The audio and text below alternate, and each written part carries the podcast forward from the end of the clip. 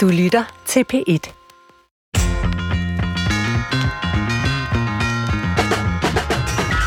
Jeg har stort set hele mit liv læst om og senere forsket i, hvad der gør os mennesker til mennesker.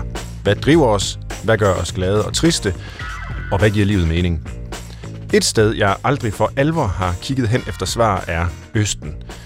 Jeg er opdraget først i vestens filosofiske traditioner og siden i den videnskabelige psykologi fra samme del af verden.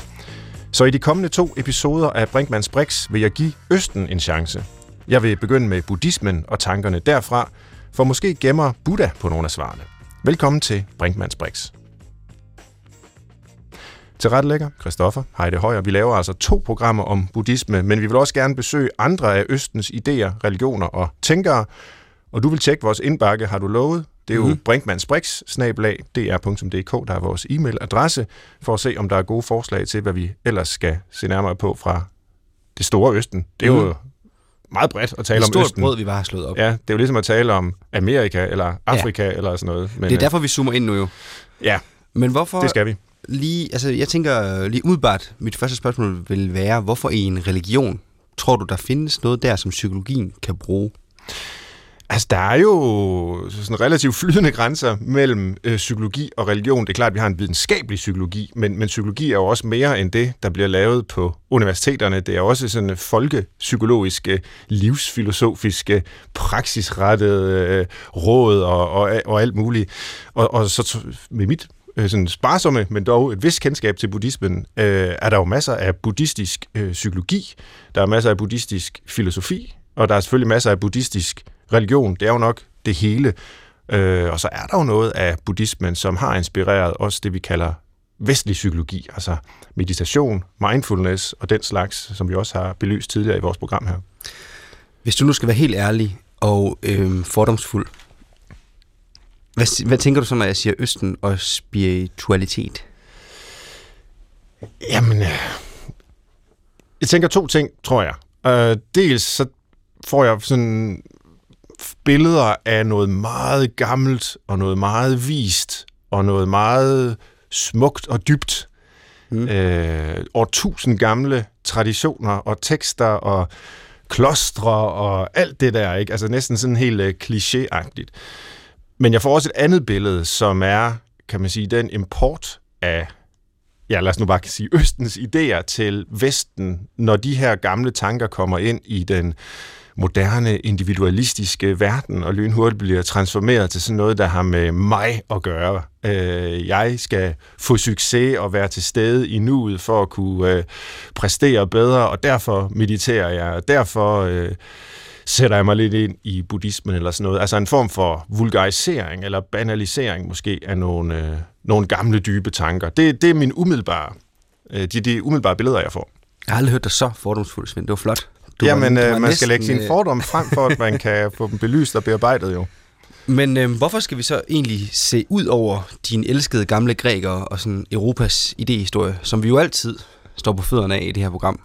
Er der noget at hente derude, umiddelbart?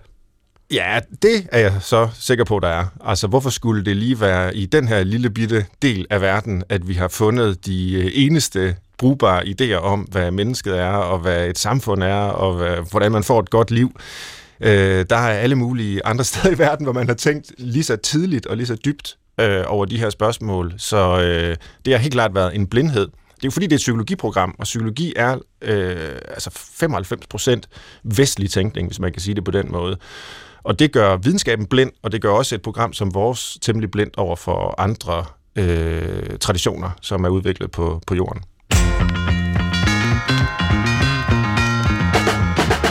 Velkommen til Brinkmanns Brix, altså i dag om buddhismen, og vores gæster er Jørgen Borup. Du er lektor i religionsvidenskab ved Aarhus Universitet. Velkommen til, Jørgen. Tak skal du have.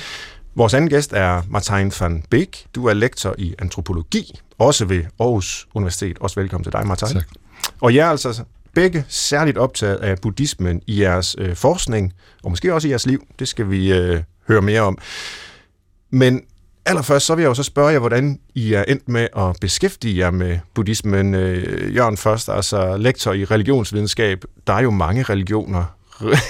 Religion er et, et bredt og omstridt begreb. Hvorfor blev det netop buddhismen, du har specialiseret dig i? Det var et meget godt spørgsmål, som jeg godt kunne underholde hele programmet, men vil jeg lade være med den korte version er nok, at af en eller anden årsag begyndte jeg at læse sådan meget øh, let tilgængelige bøger om det østlige, der var meget ung, altså yoga og øh, østlig mystik og øh, ikke mindst buddhismen faldt jeg over af en eller anden grund. Øh, og så begyndte jeg, da jeg var lidt øh, ældre, da jeg kom ud og rejse med rygsæk og så videre, var jeg forskellige asiatiske lande og stødte sådan på en anden side af buddhismen, og den interesse har sådan set holdt sig lige siden. Okay. Det glæder vi os til at høre meget mere om. Martin, hvad er din historie med buddhismen? Altså, jeg rejste til øh, Indien og Nepal, da jeg var lige blevet 18 i 1979, og jeg blev meget overrasket over, at øh, det var de der tibetaner, som jeg ikke rigtig havde øh, nogen føling med før, men øh, som var øh, kommet ud af Tibet som flygtninge, og, øh, og jeg vidste ikke noget om, om det, der foregik der. Så jeg blev optaget af øh, tibetansk buddhistisk kultur og Tibet som politisk sag. Og Dalai Lama spillede selvfølgelig en, en central rolle i det, og jeg begyndte at læse nogle ting. Og for mig, så for mig gik vejen egentlig fra det politiske og det etiske. Hmm. Øh, og så lang, og buddhisme var selvfølgelig en del af den måde, Dalai Lama blandt andet så præsenterede den tibetanske sag på. Øh, og så er der en interesse i buddhisme, så kommer der den vej. Øh, men jeg havde meget modstand mod det der. Altså religion var ikke lige uh, min kop te, øh, og de er de på sin vis stadigvæk ikke. okay. altså, Hvad ligger i det? Øhm, altså jeg har, jamen altså det er nok en, en klassisk vestlig, øh, altså jeg er vokset op i et ikke-religiøst hjem, øh, og ikke antireligiøst, jeg har gået på øh, kalvinistiske øh, gymnasium i, i seks år. Ja, vi kan sige til lytterne, at du har hollandsk baggrund, og ja. der er både dit navn, ja, og så måske også kalvinismen her. Så. Ja, nemlig. Altså, altså, jeg, jeg gik på et gymnasium i seks år, hvor, hvor hver dag startede med bibellæsning og øh, bøn, og sluttede i hvert fald med bøn også hver dag. Så, så, så jeg er ikke øh, uvendt med, med, øh, også med ortodoxe religiøse miljøer, men det var ikke noget for mig selv. Øh, så, så det kom snigende sådan hen ad vejen. Men buddhistisk filosofi, og især etikken, var for mig en, en stor inspiration øh, mm. tidligt. Ja. ja, det skal vi måske klarere først, fordi nu lagde jeg ud med min sådan lægmands øh, fortolkninger af buddhismen, og jeg sagde, at det var både religion og filosofi og psykologi. Er det en sådan nogenlunde korrekt fremstilling af, af buddhismen, øh, Martin? Altså Dalai Lama plejer at sige, at de der sammenhænge, hvor han har dialog med vestlige videnskabsfolk, øh, at øh, man skal skane med, eller han scanner mellem buddhistisk religion, filosofi og øh, psykologi. Nej, hvad siger han? Gud, øh, religion? buddhistisk religion, buddhistisk filosofi. Etik, måske? Buddhistisk videnskab. Videnskab. Aha. Ja, det, det kunne tre. være psykologi, det er de tre. Ja. Øhm, og øhm, og øh, han siger, øh, at på det filosofiske, der kan man have en samtale, og, øh, og i det videnskabelige kan man også, men de der med, med buddhistisk religion, that's our business, that's none of your business. Nej, det siger han simpelthen. Ja så det skal vi ikke komme og blande os i. Nej. Det kan vi også vende tilbage til, øhm, fordi nu graver vi dybt tilbage til øh, buddhismens øh, rødder, og Christoffer spurgte mig om, jamen hvad med de gamle grækere, som vi tit vender tilbage til i det her program. Buddhismen opstår jo, så vidt jeg lige renter, nogenlunde samtidig som den græske filosofi begynder med, med, med Sokrates og de andre, Platon og Aristoteles osv. Øh, Jørgen, Borup, hvem, hvem var Buddha, og hvad skete der på det tidspunkt, hvor han øh, gik rundt på jorden?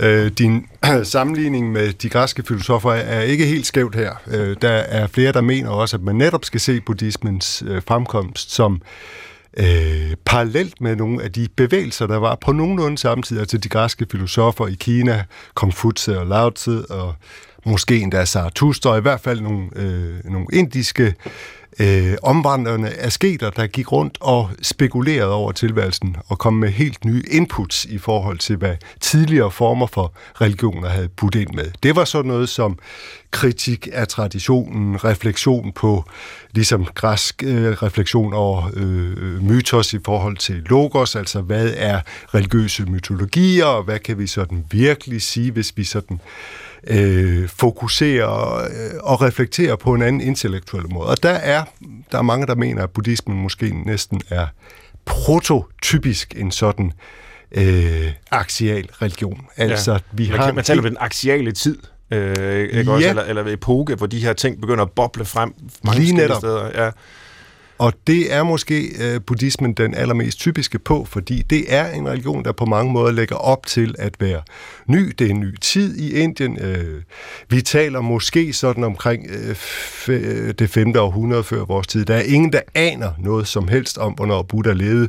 Også nogen, der betvivler, at han overhovedet har levet, altså er det bare en litterær konstruktion. Okay. De fleste forskere vil nok sige i dag, at der har sikkert været en person. Øh, der blev tilskrevet titlen Buddha, som egentlig bare betyder den oplyste. Ja. Og øh, nogle legender, der beretter om, hvordan han var født øh, som en, en øh, kongesøn. Han levede i sus og dus, i vild luksus, og fik ikke rigtig fornemmelse for det livet også bragte. Øh, da han så i ungdommen fandt nogle af udtrykkene for øh, lidelse, øh, alderdom, sygdom og død, fandt han ud af, at der også var en bagside til til den øh, luksustilværelse, han havde øh, lært eller blevet svøbt ind i af sin far, som gerne ville have, at han trådte videre i det royale fodspor. Og der følger man så i legenden, hvordan Buddha, øh, som han ikke hed nu, men først blev senere. Hvad hedder han? Siddhartha? Han hed Siddhartha Gautama. fra Gautama-stammen, ja.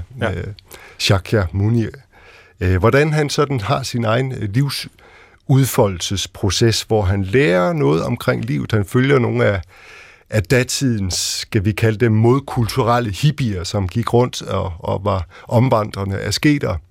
Øh, forskellige bodsøvelser, hvor han nærmest var, øh, var, var tæt på den fysiske død, inden han valgte at gå sin egen vej, satte sig under et træ og mediterede i flere år, inden den endelige oplysning kom, hvor han altså, siger legenden, øh, oplevet og erfaret alt, hvad der er værd vide i dette liv, mening med livet, intet mindre, hvad virkeligheden var øh, øh, består af, og ikke mindst også, at han kunne se i, ind i både fortiden og fremtiden, og blev altså et prototypisk ideal for en ny, kan vi sige, mennesketype, øh, men samtidig også en form for guddommelig supermand, øh, som man både kunne ofre til og bede til, men altså også se som en rollemodel for, hvordan man eventuelt selv kunne aspirere til at blive en, en Buddha. Og det var så det, de første disciple samlede sig om i, i klostervæsenet for at have et, et kollektivt fællesskab, hvor de kunne forsøge at, at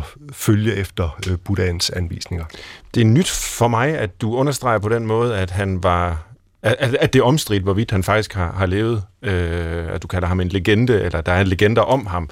Jeg troede, det var relativt vel etableret, at den her Siddhartha-person levede og var, det er i hvert fald sådan, jeg kan huske det fra gymnasieundervisningen i religion, boede inde bag de her beskyttende mure i paladset, og en dag kom ud og så verdens lidelse. Og, og resten af, om jeg så må sige, historie. Men, men, men det ved man reelt ikke.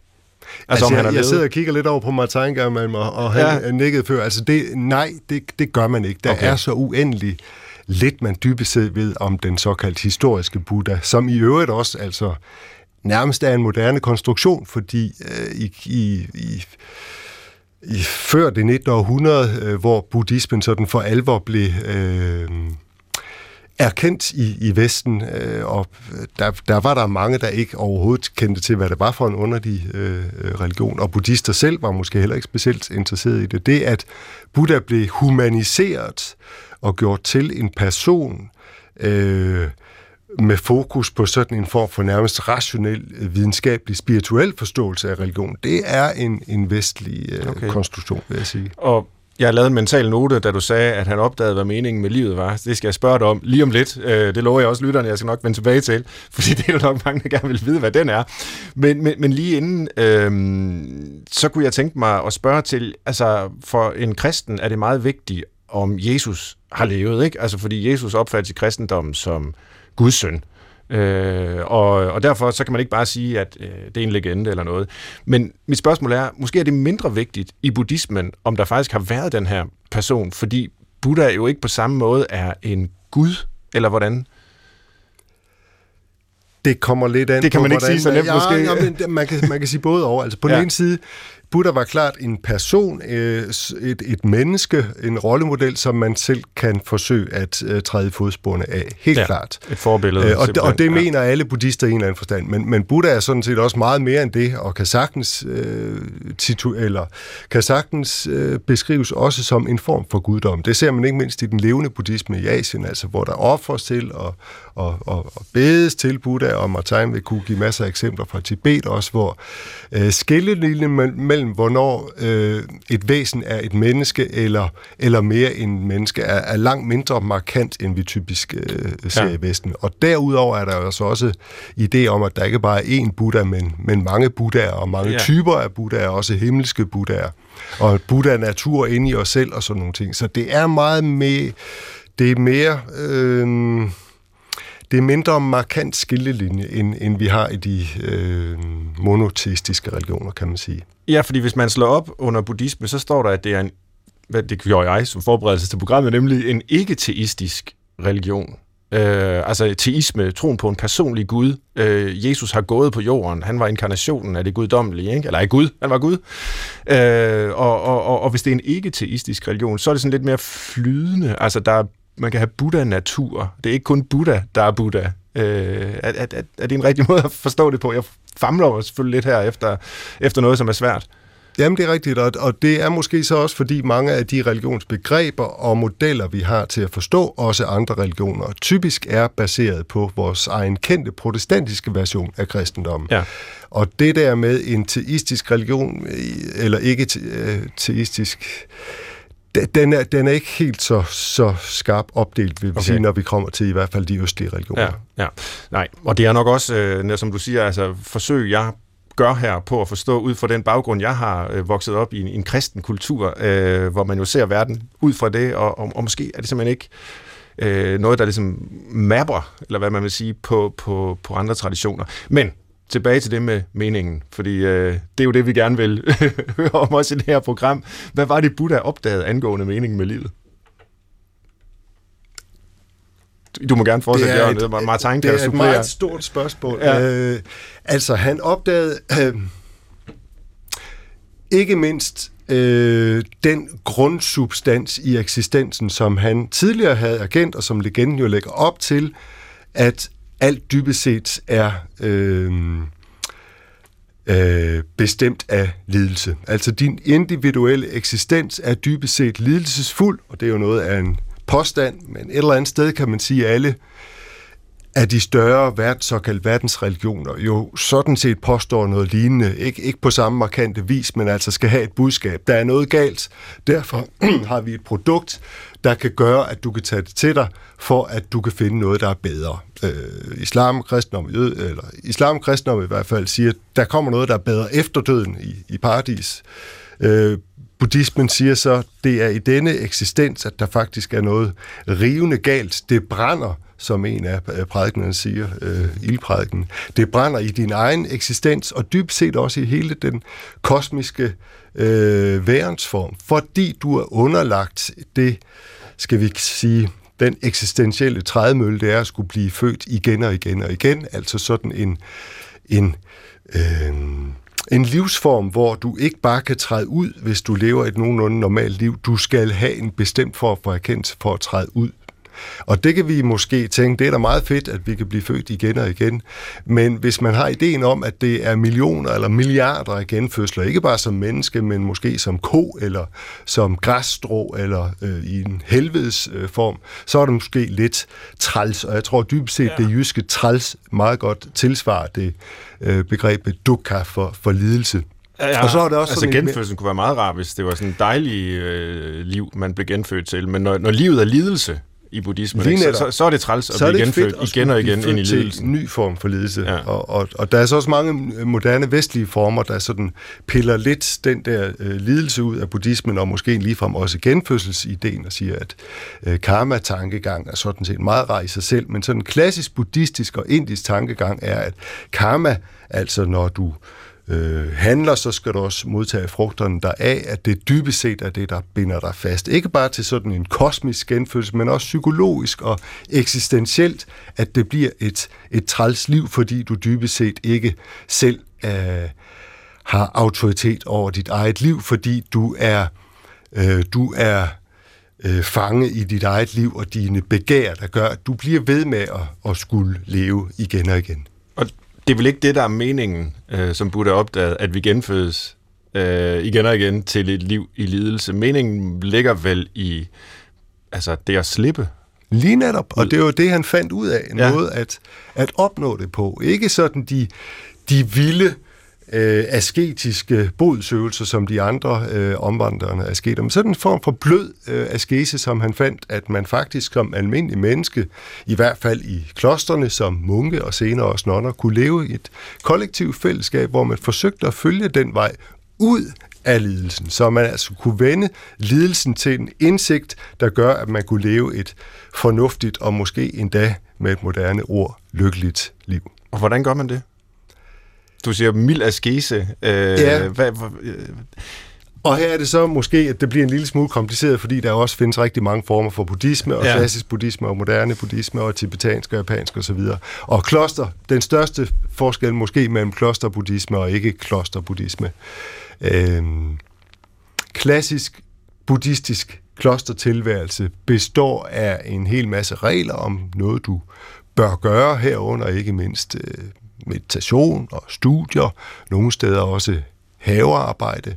Øh, men askese også i, i, i den forstand, at du må forsage nogle ting. Altså der er ting, du ikke bare kan hengive dig i, som normale mennesker øh, kan med komfort og så videre, fordi det siger klassisk buddhisme er med til at binde dig. Altså du må faktisk forsage noget for at kunne forandre dig selv for at blive et, et mere klarsynet øh, væsen er det rigtigt forstået, og nu bruger jeg så igen øh, de psykologiske begreber, jeg kender til, men at, at, at vi er bundet på grund af det begær, vi har, øh, efter succes, øh, materielle besiddelser, karriere, hvad ved jeg. Og at vejen ud af lidelsen, fordi vi begærer ting, som er midlertidige, ikke? altså vejen ud af lidelsen er sådan set at stoppe med at begære. Kan man, kan man sige det på den måde? Meningen er at, at slukke det der begær, og det er så Altså, der, der findes jo... Martin, ja. Altså, spørgsmålet er, hvorfor begæret opstår. ja. Og så hvis man lige går et skridt tilbage i, øh, i sådan en, øh, en buddhistisk forståelse, så er øh, grundproblemet er, at vi ikke, at, at den måde, vi oplever virkeligheden på, er ikke som virkeligheden faktisk er. Og grundkarakteristikum af den verden, vi lever i, det er, at den er forgængelig. Og derfor er vi hele tiden, altså vi, vi bliver opmærksom på, apropos det der, når man er født, så når man bliver ældre, altså kroppen bliver ældre og begynder at fungere lidt mindre godt, man bliver syg og, og så videre, ikke også? Så, så kroppen forgår, og, og livet forgår, alt der er født skal dø og, et så videre, og så videre, ikke? Så vi er på en måde ofte i gang med at prøve at undgå at blive konfronteret med, eller virkelig tager ind i faktum, at ting er forgængelige. Og grunden, vi, fordi vi ikke, altså den måde, vi øh, har svært ved at opleve virkeligheden, som den faktisk er, det er, fordi der er to slags slør, som man taler om. Det er et kognitivt slør, som er netop, som har at gøre med den forgængelighed, og det, at alting er forbundet med alt andet. Og man har en oplevelse af, at tingene er adskilte og stabile, og de, de passer ikke. Så der er et kognitivt slør. Og der er et emotionelt slør, som man kunne sige et psykologisk slør, som opstår blandt andet af, altså at vi, vi leder efter noget, der holder fast i, som er stabilt, så vi kan stå fast. Mm-hmm. Øh, og det kan man faktisk ikke. Øhm, så noget af opvågningen består i at vågne fra den her drøm, hvor vi oplever tingene, som de ser ud, og vi tror, at de kan regnes med, øh, og de viste design at det kan de faktisk ikke helt på den måde.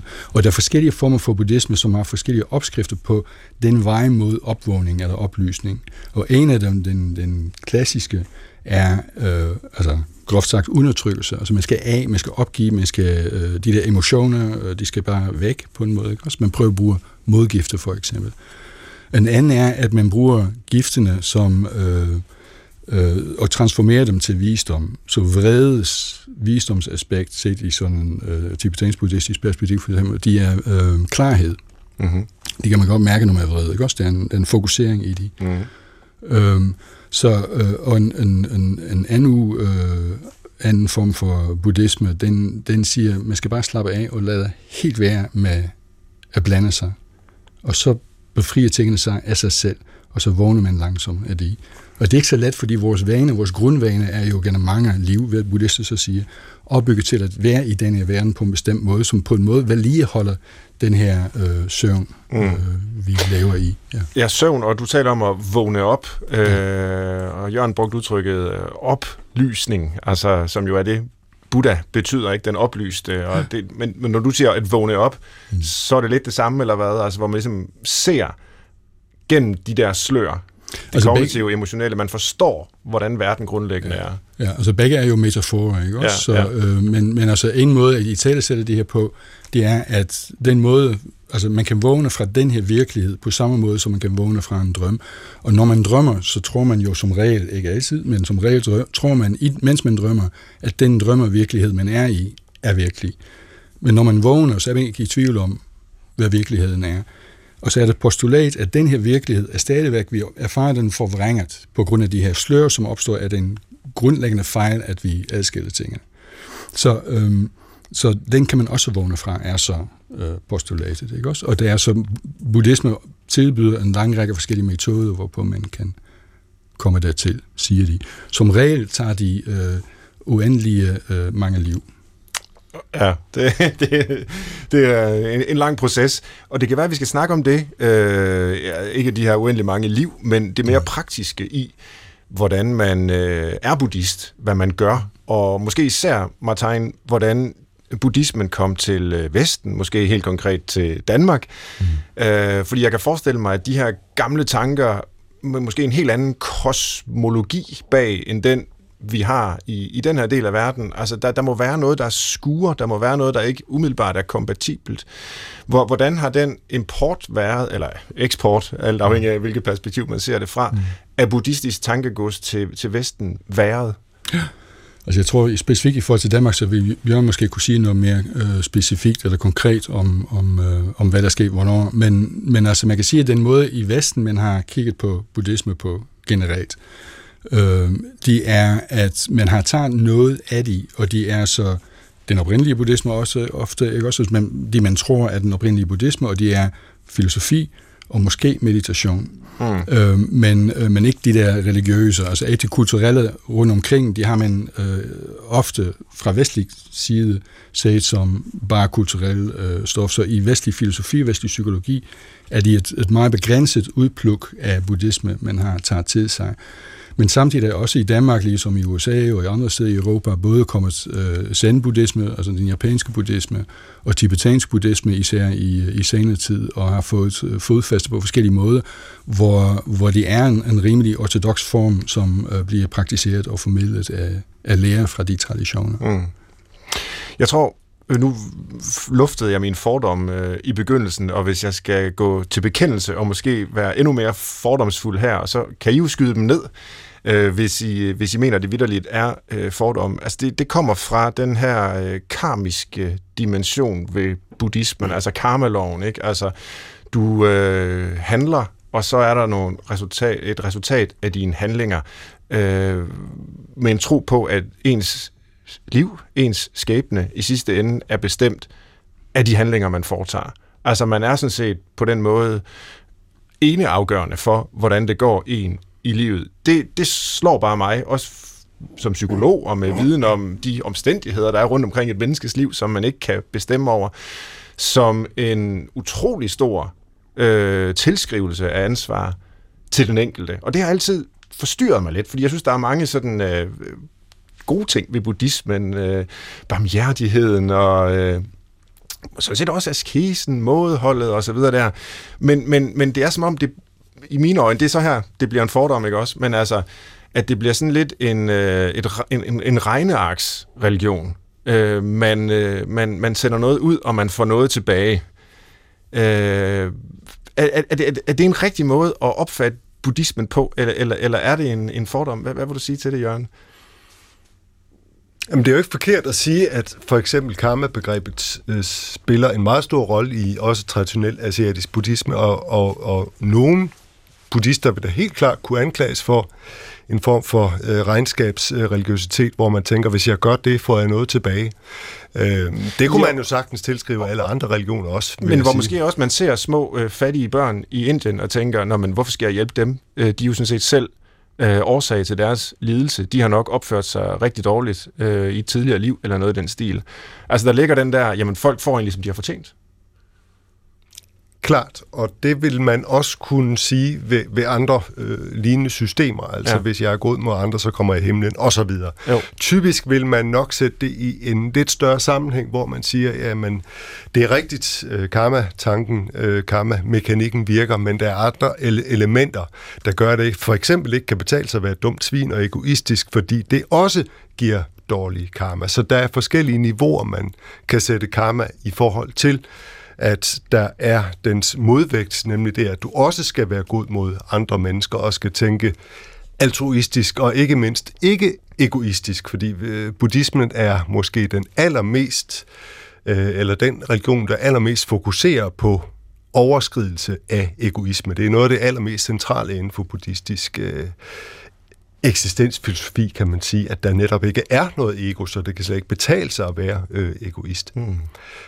Hvis du så spørger ind i lidt større sammenhæng til øh, måden, den er blevet transformeret til, også i Vesten, det er rigtigt, det kan sagtens anklages for at være, og, og, og nogle gange kan man sagtens se eksempler på, sådan typisk, hvad skal vi kalde det, neoliberal selvoptimeringsinstrumentalisme. Ikke?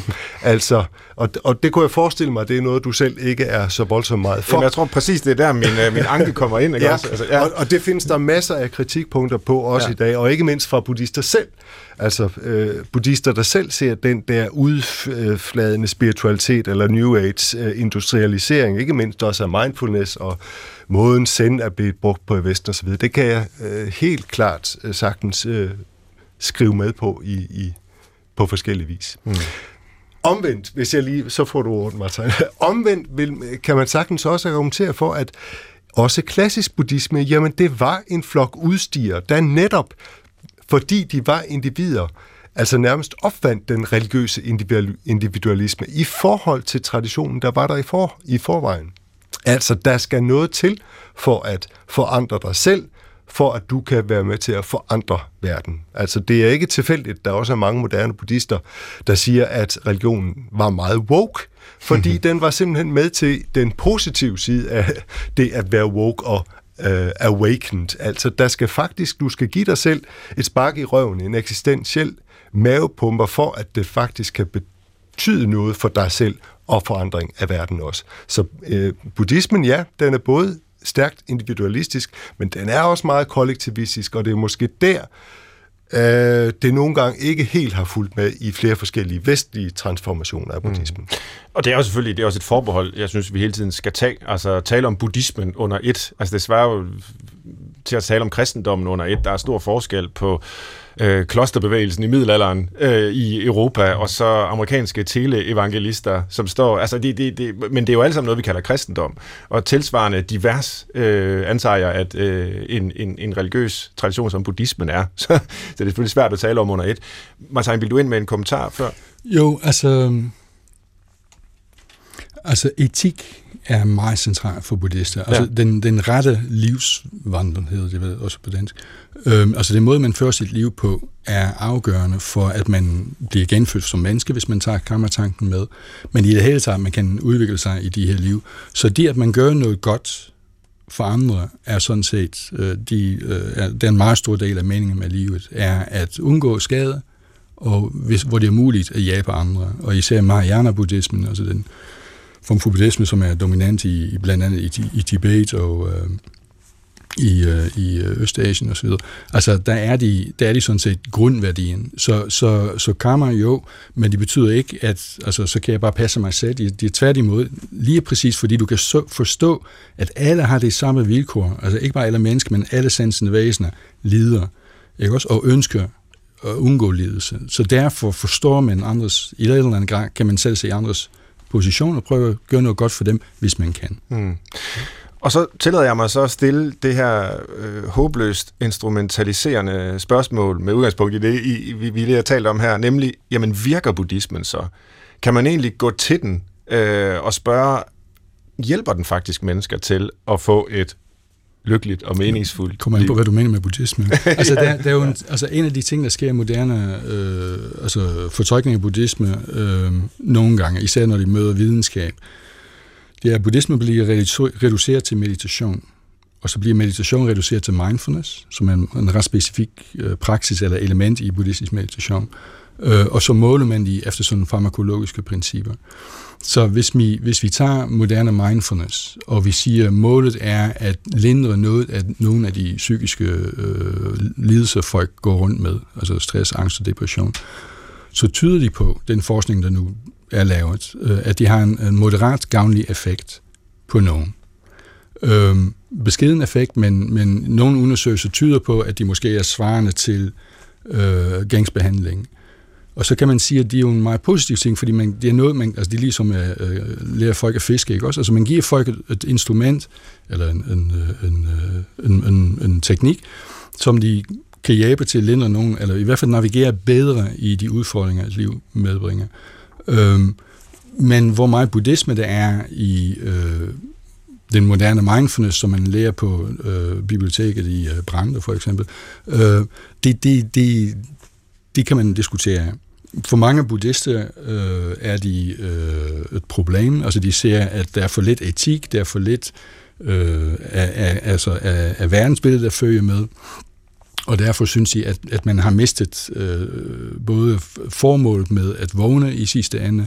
De bliver til sådan noget, jeg skal bare have det rimelig godt med mig selv. Øh, mens øh, andre buddhister, Dalai Lama for eksempel, øh, siger, jamen altså, hvis nogen synes, de kan tage noget fra vores øh, tradition, fra vores religion, øh, som de øh, synes, de har gavn af, jamen wonderful. Mm. Det må de endelig bare gøre, fordi det er jo bare godt, hvis lidelse bliver mindre. Men de skal ikke komme tilbage og kalde de for buddhisme. Så okay. buddhismen er godt, som de er, altså i den forståelse, han har. Øh, men... Øh, men vi skal ikke, de behøver ikke laves om på. Men man må gerne tage noget og kalde de, altså sætte de sammen med noget helt andet, New Age-forestilling af kristne. Wonderful. Hvordan skulle vi egentlig optegne billedet af den øh, gode buddhist? Øh, den, som måske med en vis sandsynlighed vil øh, undslippe det her uendelige jul af genfødsler til nye liv med lidelse, og kunne få Buddha-natur. Altså, hvordan... Øh, ja, det er måske Buddhas liv, som du lagde for med at fortælle om, Jørgen, der, der er forbilledet eller forlægget. Men hvis vi skulle tale om verden i, i 2023, findes der personer, som øh, vi kan pege på at sige, du lever som en god buddhist? Så bliver der stillhed. det kommer an på, hvad du mener med, med en buddhist, ikke også? Ja, ja. Altså, altså jeg vil sige, øh, jeg ved ikke, om spørgsmålet er, er, er, øh, er så relevant. Altså jeg, for, for mig vil det være, altså det relevante spørgsmål er, øh, altså er det mennesker, der lever som gode mennesker, ikke også? Ja. Og buddhisme er en måde at orientere sig, eller nogen former for buddhisme, alt efter hvilken tradition man hænger sammen med, og alt det der, ikke også? Der er rigtig store forskelle. Og hvor man er i sit liv, og hvad man har for omstændigheder, så kan man lade sig inspirere af rigtig meget fra buddhisme, og så kan man sige, Nå, men så er du en god buddhist. Men det er ikke det samme som, altså, at der er en checkliste, og hvis bare du laver op til de, så er du en god buddhist. Altså, jeg tror, hvis du spurgte Dalai så vil jeg sige, at det vigtigste er, at man har et godt hjerte og, og vise det i sit daglige liv. Øhm, og så er man et godt menneske, og de er gavnlige. Og det med Buddha-naturen, bare en lille ting. Altså Buddha-natur siger de traditioner inden for buddhisme, ikke alle buddhistiske traditioner siger det på den måde. Men at Buddha-natur er noget, alle sensende væsener altid allerede har. Man kan ikke miste det. Man, har, man kigger bare i den forkerte retning, man har mistet kontakten med det. Men det er jo en virkelig interessant måde at svare på. Altså, fordi hvis man spørger øh, kristne, så vil jeg sige, en god kristen, jamen det er en, der tror på Jesus. Mm. Øh, en god muslim, det er en, der overholder de muslimske øh, love, mm.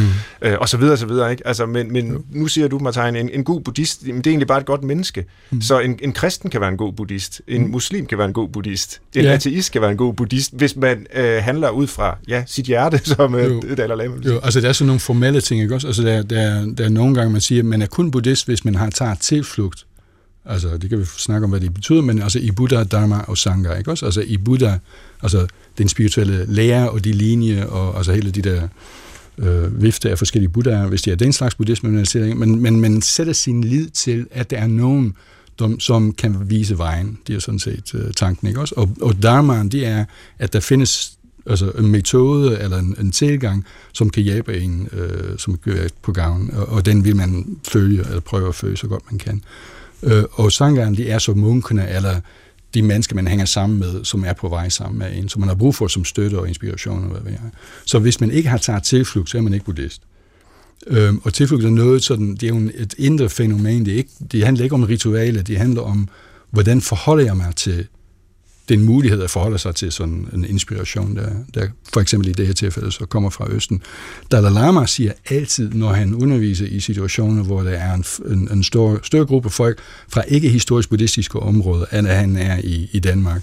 Han bruger altid en hel del tid på, også når han skal give buddhistiske belæringer, øh, til at snakke om, at det er vigtigt, at man ikke konverterer til buddhisme, men respekterer og bruger den religion, den religiøse kontekst, man er født ind i.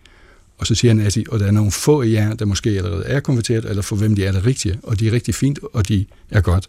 Men I andre, lad være. Fordi de skaber en ny identitet, som bliver endnu et lag af komplikationer, som man på en måde skal komme forbi. Så, øh, så han vil også nok sige, at i sidste ende, når det, når det gælder at vågne endeligt, så er det kun buddhisme, der er nøglen, ikke også? Men, øh, du, ja. du vil også kunne finde eksempler fra militante buddhister i Myanmar og Sri. Lanka mm. i dag, som vil sige, at muslimer for eksempel, de kan sgu aldrig blive gode ja. buddhister. Mm. Det er nok mere undtagelsen, vil jeg sige, i sådan hele verdens øh, religionshistorien, fordi mm. buddhismen sådan meget generelt kan sige at være en meget inklusiv religion. Altså den har blandet sig med lokale religioner og findes også i dag. Altså i Japan og er der mange, der, der både er shintoer og buddhister, og måske bliver gift i en øh, kristen kirke, og er medlem af en ny religiøs bevægelse. Og i Nepal, øh, hinduisme og buddhisme flyder sammen, osv. Så, videre, så, videre. så mange buddhister vil måske netop bare pege på ikke så meget det formelle ved den institutionaliserede religion, men sige netop, jamen, hvis man er et godt menneske. Og i øvrigt vil mange buddhistiske mestre heller ikke, jeg har i hvert fald selv spurgt ind til flere sådan, for ligesom at høre dem selv sige, at de er buddhaer. Det, det er meget svært for dem til at sige. Altså, det er en buddhistisk dyd, at man heller ikke skal ophøje sig til for meget, altså at sige, jeg er buddha. Øh, der er også en idé om, specielt i, i Mahayana-buddhismen, at man faktisk venter med at træde ind i Buddha-tilstanden, til man har hjulpet alle andre på vej. Ja. Det er måske noget, man gerne vil have, at andre siger om en, så man ikke lige netop, lige netop.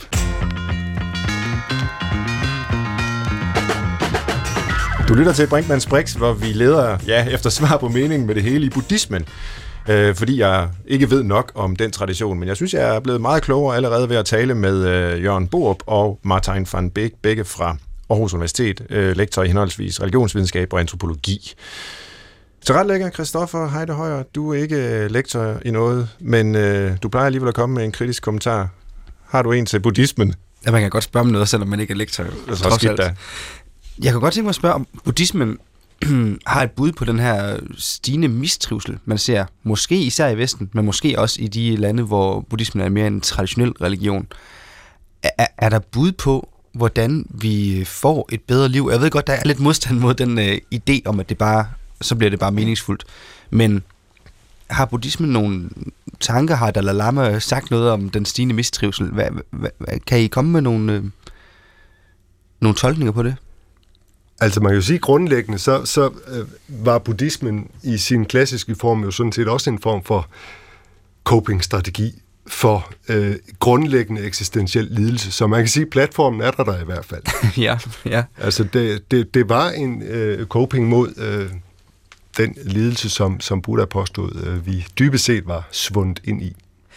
Men er det så bare selv at opsøge det? Eller hvordan, skal, øh, hvordan kunne man adoptere det ind i den ja, stigende mistrivsel?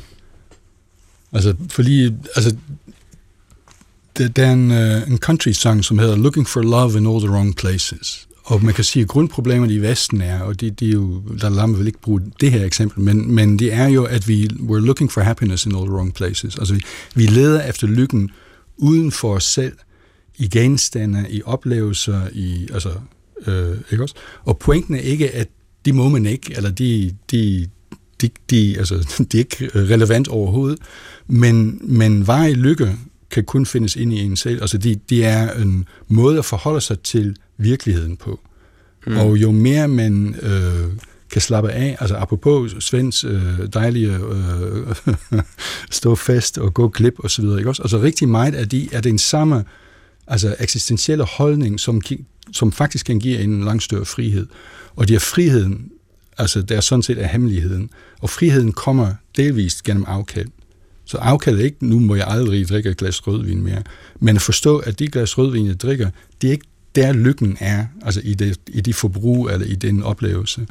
Og, øh, og meget mistrivsel kommer af, er mit bud. Altså jeg kan jo ikke, vi er jo to gamle hvide mænd, vi skal ikke tale på buddhismens vegne, mm. men, men hvis jeg skal komme med et bud, så er noget af den øh, mistrivsel, jeg selv oplever for mig selv, og også ser på øh, mange af de øh, studerende og andre mennesker, øh, jeg møder, den kommer af, at man på en måde bliver stillet en umulig opgave i vores meget privilegerede øh, danske samfund, og det er, at du har, du har alle muligheder.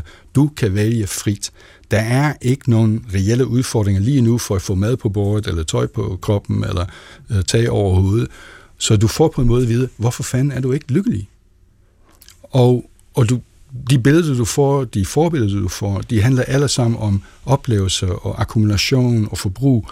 Og altså, når man har mødt tilstrækkeligt mange millionærer og nogle milliardærer, og jeg har mødt en del, øh, så mærker man, at de er sgu lige som os alle andre, og de er ret ulykkelige. Og, og de, de, de er jo ikke, fordi de er mere ulykkelige nødvendigvis end andre, og de hjælper også at have penge, så de ikke får bagatelliseret de.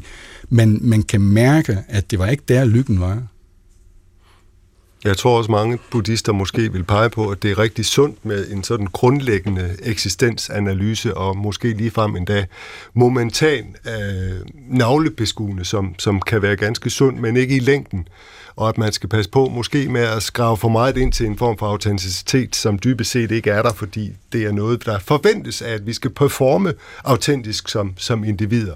Så jeg tror, mange buddhister vil pege på, yes, godt med individualisering, men, men husk også at være, som jeg ved, det er et yndlingsudtryk hos dig, verdensvendthed og, og det kollektiv, fordi buddhisme er altså også en kollektiv religion.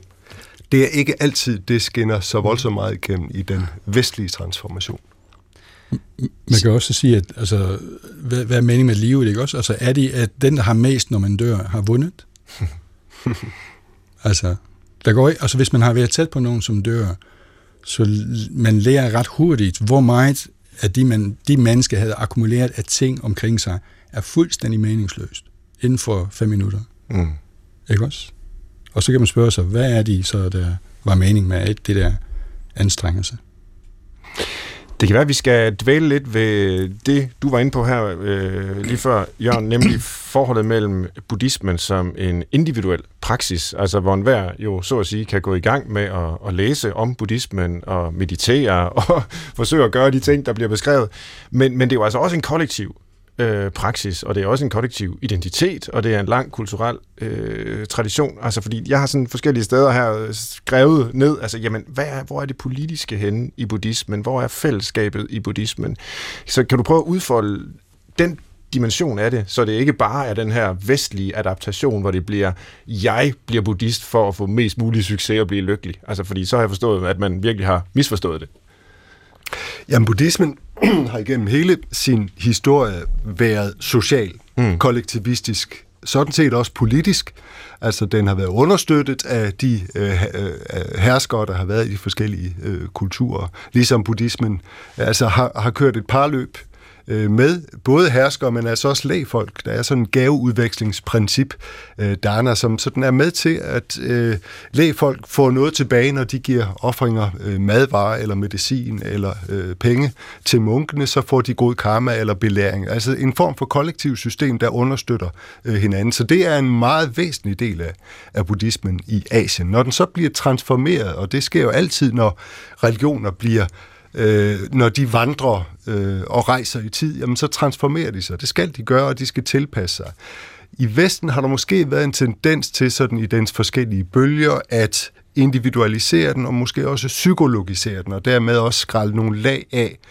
Øh, nogle kulturelle lag, som måske ikke nødvendigvis har været det, der har været mest oplagt at få med. Altså man taler i Vesten nogle gange også om, om ligefrem om sekulær buddhisme, øh, fordi man har ville skralde nogle lag af, man siger, det er ikke relevant i en moderne, vestlig, videnskabelig gjort øh, øh, verden. Og der er måske nogle gange også det sociale skraldet fra, og i hvert fald også det politiske.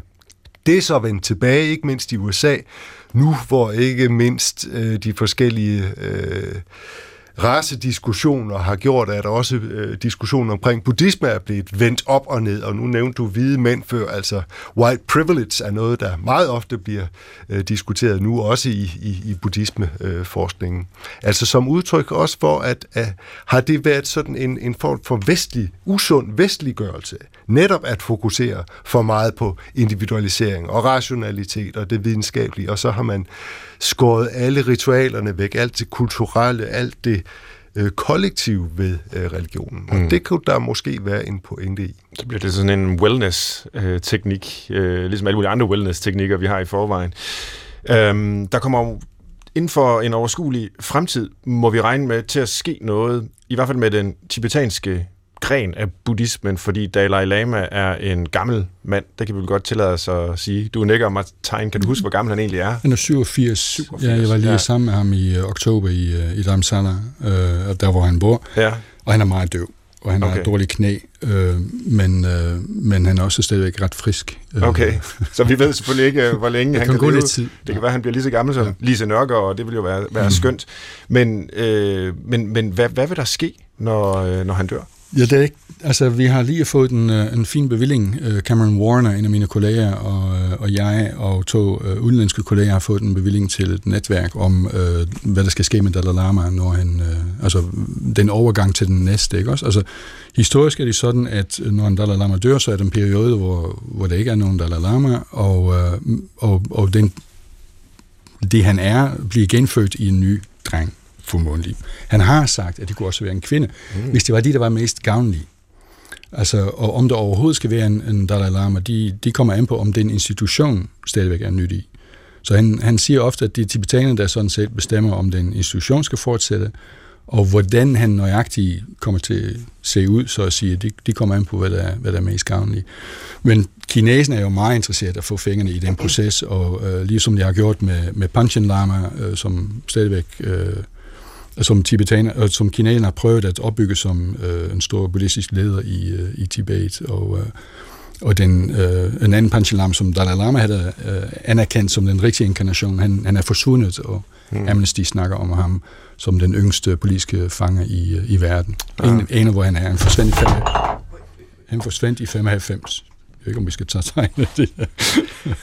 Men øh, så, så kinesen er allerede i gang med at arrangere, kan man regne med, hvordan de vil håndtere den proces, og vil insistere på, at de altid har været dem, der har bestemt. Ja. Samtidig er øh, folk omkring Dalai Lama selvfølgelig ops på, at der kommer noget øh, information om, hvordan han selv siger, fordi han kan selv bestemme langt hen ad vejen, hvordan de foregår, øh, hvad der skal ske. Og, øh, og forskningsprojektet handler netop om at, at kigge nærmere på, hvordan, hvordan forbereder man sig på de, hvad tænker man om de, og hvordan kommer de så til at ske, øh, når vi kommer dertil. Det lyder utrolig spændende, fordi jeg sidder jo og forestiller mig, at det må være et øh, risikabelt træk for den nuværende Dalai Lama at sige, jamen det kan blive en dreng, eller det kan blive en pige. Det afhænger af, hvad der er nyttigt. Det kan være, at der slet ikke skal være en mm. ny Dalai Lama. Det afhænger af, hvad der er nyttigt. Altså at lade det være så diffust. Men han har... Er det ikke opskriften på øh, en politisk fiasko for en øh, religion? Altså det der med magtoverdragelsen fra en generation til den næste, skal det ikke være fuldstændig deklareret på forhånd, hvordan den skal ja, foregå? Altså, altså han har sagt, at han vil, han vil øh, øh, forholde sig til spørgsmålet igen og udtale sig om det, når han bliver 90, og det er okay. sådan tre år. Og der er udvalg i gang, og der er diskussion i gang, ved vi, øh, i, i eksilregering og så så det bliver ikke tilfældigt, og der, der, der er også nogle ting, som allerede er forberedt, kan man være helt sikker på. Vi kunne garanteret lave en helt udsendelse kun om uh, Dalai Lama og den del af det, men uh, det uh, må blive en anden god gang. I dag skal vi bare runde af med listen, som er vores vanlige afsluttende element i programmet. Tre gode grunde til at leve fuldstændig asketisk. Kan I som kender af buddhismen formulere tre gode grunde til vores lytter, hvis de er blevet inspireret og vil være asketer? Jørgen, har du øh, input til det, eller er det, en, er det en dum måde at stille det op på, måske? Nej, det er da meget fint. Jeg fik bare ja. at vide, at jeg lige skulle overveje hvad, øh, en grund til at blive buddhistisk munk. Ja, så jamen, jeg tænkte sådan lidt gerne. mere sloganagtigt. Ja. Stay woke, be Buddha cool, uden at være identitetsfetisist. Fordi jeg mener, der er en pointe i både det her med, den eksistensanalyse er meget sund, men altså, at det også skal hurtigt blive perverteret ind i en sådan samtidig identitetsfetisisme, som jeg synes, vi nogle gange ser. Ja. Så uh, stay woke, be Buddha cool. Ja, det og så øh, synes jeg også, det klart også taler ind til andre øh, samtidsidealer, vi har omkring øh, bæredygtig øh, mm.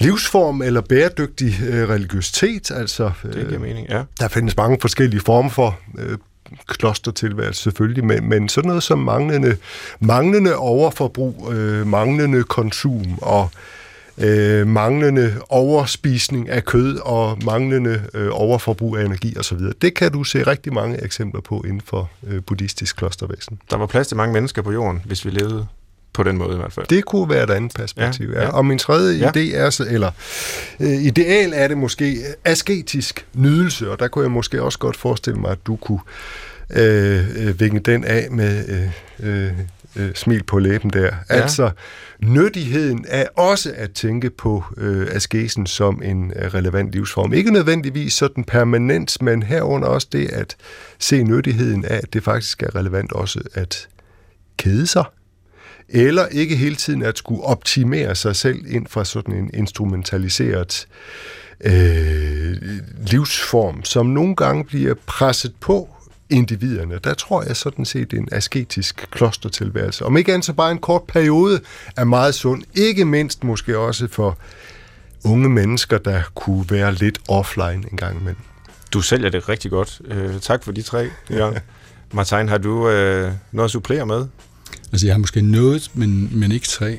Øhm, altså, helt lavpraktisk. Altså, hvis man er øh, buddhistisk munk, så behøver man ikke spekulere på, hvad man skal have på næste dag. og øh, jeg tror, det er de fleste traditioner i hvert fald. Man behøver ikke spekulere på, hvad man skal spise til aftensmad. Nej.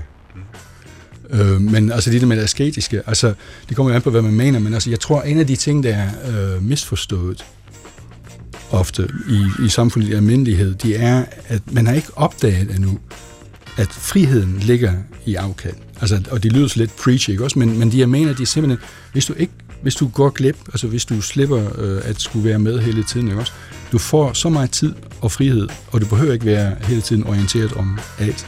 Og det er ikke det samme som at sige, at du kan bare være ligeglad. Det er noget andet. Øh, men men en, en, øh, en forenkling af den måde, vi forstår et godt liv på, vil være til gavn for øh, alle, øh, er jeg sikker på. Tusind tak begge to for jeres input, både til listen og selvfølgelig til samtalen om buddhismen, både historisk og aktuelt her i dag. Du har lyttet derude til Brinkmanns Brix, og det var altså med Jørgen Borup, der er lektor i religionsvidenskab på Aarhus Universitet, og Martin van Beek, som er lektor i antropologi, også på Aarhus Universitet. Til retlægger Christoffer Heide Højer og jeg, Svend Brinkmann, siger tak, fordi du lyttede med. Vi sender igen om en uge. Skriv gerne til brinkmannsbrix, med ris, ros eller gode indfald til nye udsendelser. Og dem kan man finde flere af i DR Lyd. Tak for i dag. Jeg håber, vi kan næste gang.